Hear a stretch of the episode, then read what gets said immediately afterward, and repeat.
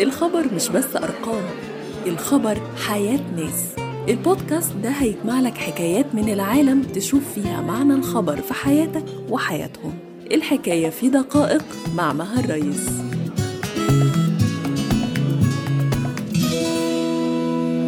بودكاست دقائق. جو بايدن المرشح الرئاسي الأمريكي أعلن اختياره لسيدة تكون نائبة في معركته الانتخابية ضد ترامب في 2020 وحصل جدل على اختياره. ناس بتمدحه علشان دي أول أمريكية من أصل أفرو أسيوي تترشح للمنصب وناس بتسأل هل كل مؤهلاتها السياسية أصولها العرقية. تعالوا نعرف حكاية كامالا هاريس إنسانيا وسياسيا للوصول للبيت الأبيض في دقائق.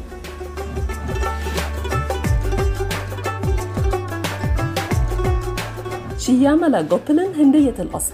سابت عيلتها بعد ما اتخرجت من جامعة دلهي وسافرت آلاف الأميال عشان تعمل دكتوراه في التغذية والغدد الصماء في كاليفورنيا سنة 58 ولأنها كانت لوحدها كان عندها وقت تعمل أنشطة بعيدة عن الدراسة لحد ما بقت مناضلة نشطة في مجال الحقوق المدنية. وأثناء دراستها هناك اتعرفت على حب حياتها دونالد هاريس.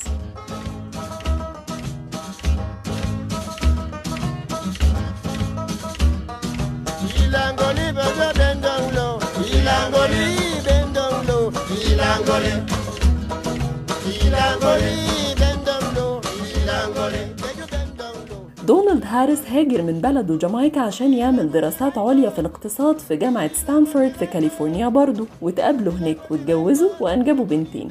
كامالا سنة 64 وبعدين مايا.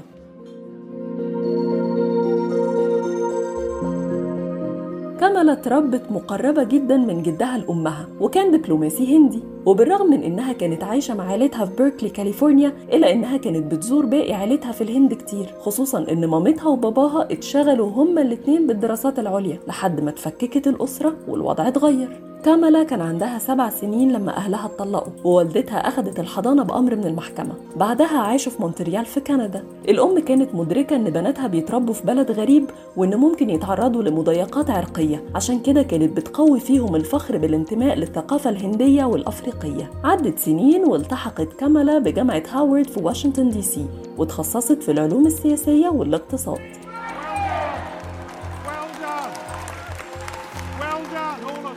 كامالا كان دايما طموحها كبير. سنة 89 حصلت على الدكتوراه في القانون من كلية هاستنجز في كاليفورنيا وطموحها خلاها تشتغل في مكتب المدعي العام لمنطقة سان فرانسيسكو في التسعينات. لحد ما في سنة 2004 تم انتخابها كنائب عام لمنطقة سان فرانسيسكو وبعدها تم انتخابها مرتين كمدعي عام في كاليفورنيا كأول امرأة وأول شخص أمريكي من أصل أفريقي للمنصب ده.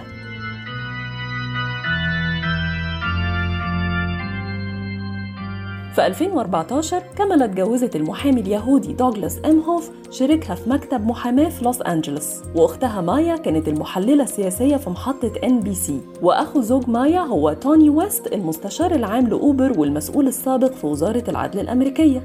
يعني عيلة مهاجرة طبعا مناضلة يمكن لكن كمان داخلة في مكنة النخبة السياسية. كامالا بقت زوجة أب لطفلين لكن ده ما عطلهاش عن طموحاتها السياسية. This is about who we are.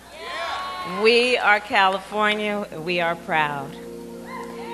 في 2016 قدرت تهزم لوريتا سانشيز في انتخابات مجلس الشيوخ وبقت أول سناتور من أصل أفرو أسيوي وبعدها بسنة أدت القسم في مجلس الشيوخ في واشنطن. والتاريخ الأمريكي سجل اسمها كتاني نائبة من أصول أفريقية. وابتدى حلم الوصول للبيت الأبيض يقرب كاملا ليها مواقف معلنة خصوصا في الشرق الأوسط اللي نقدر نختصر موقفها في قضاياه في ثلاث نقط. دعم إسرائيل تأييد الاتفاق النووي مع إيران وموقف سلبي من السعودية And as long as I'm a United States Senator, I will do everything in my power to ensure broad and bipartisan support for Israel's security and right to self defense.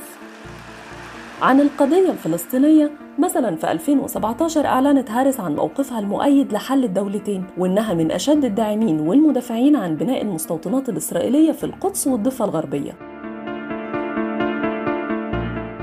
أما عن الملف الإيراني فكانت معارضة للانسحاب من الاتفاق النووي مع إيران وشاركت في تشريع بيمنع استخدام أموال البنتاجون في عمل عسكري ضد طهران.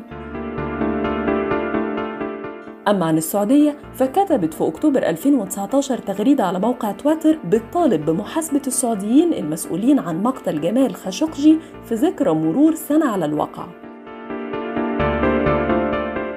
وبرضه أعلنت إنها بتؤيد وقف الدعم الأمريكي للحرب في اليمن في 2019 هاريس بكل حماس أطلقت حملة ترشحها لمنصب الرئيس بحضور حشد عدده وصل لأكثر من 20 ألف شخص في أوكلاند كاليفورنيا With faith in God, with fidelity to country, and with the fighting spirit I got from my mother.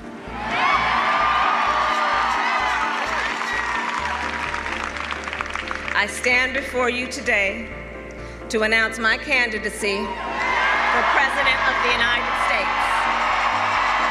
لكن بالرغم من أدائها القوي في المناظرات أيام ما كانت مدعي عام ما قدرتش في المناظرات السياسية توضح خططها في مسائل مهمة زي الرعاية الصحية مثلا وناس اتهمتها بالتضارب والنتيجة كانت إنها أنهت الحملة في نهاية السنة. وفي مارس 2020 أعلنت تأييدها النائب الرئيس السابق جو بايدن وقالت إنها هتعمل كل اللي تقدر عليه علشان يكون هو الرئيس اللي جاي للولايات المتحدة لحد ما اختارها تكون نائبة ليه.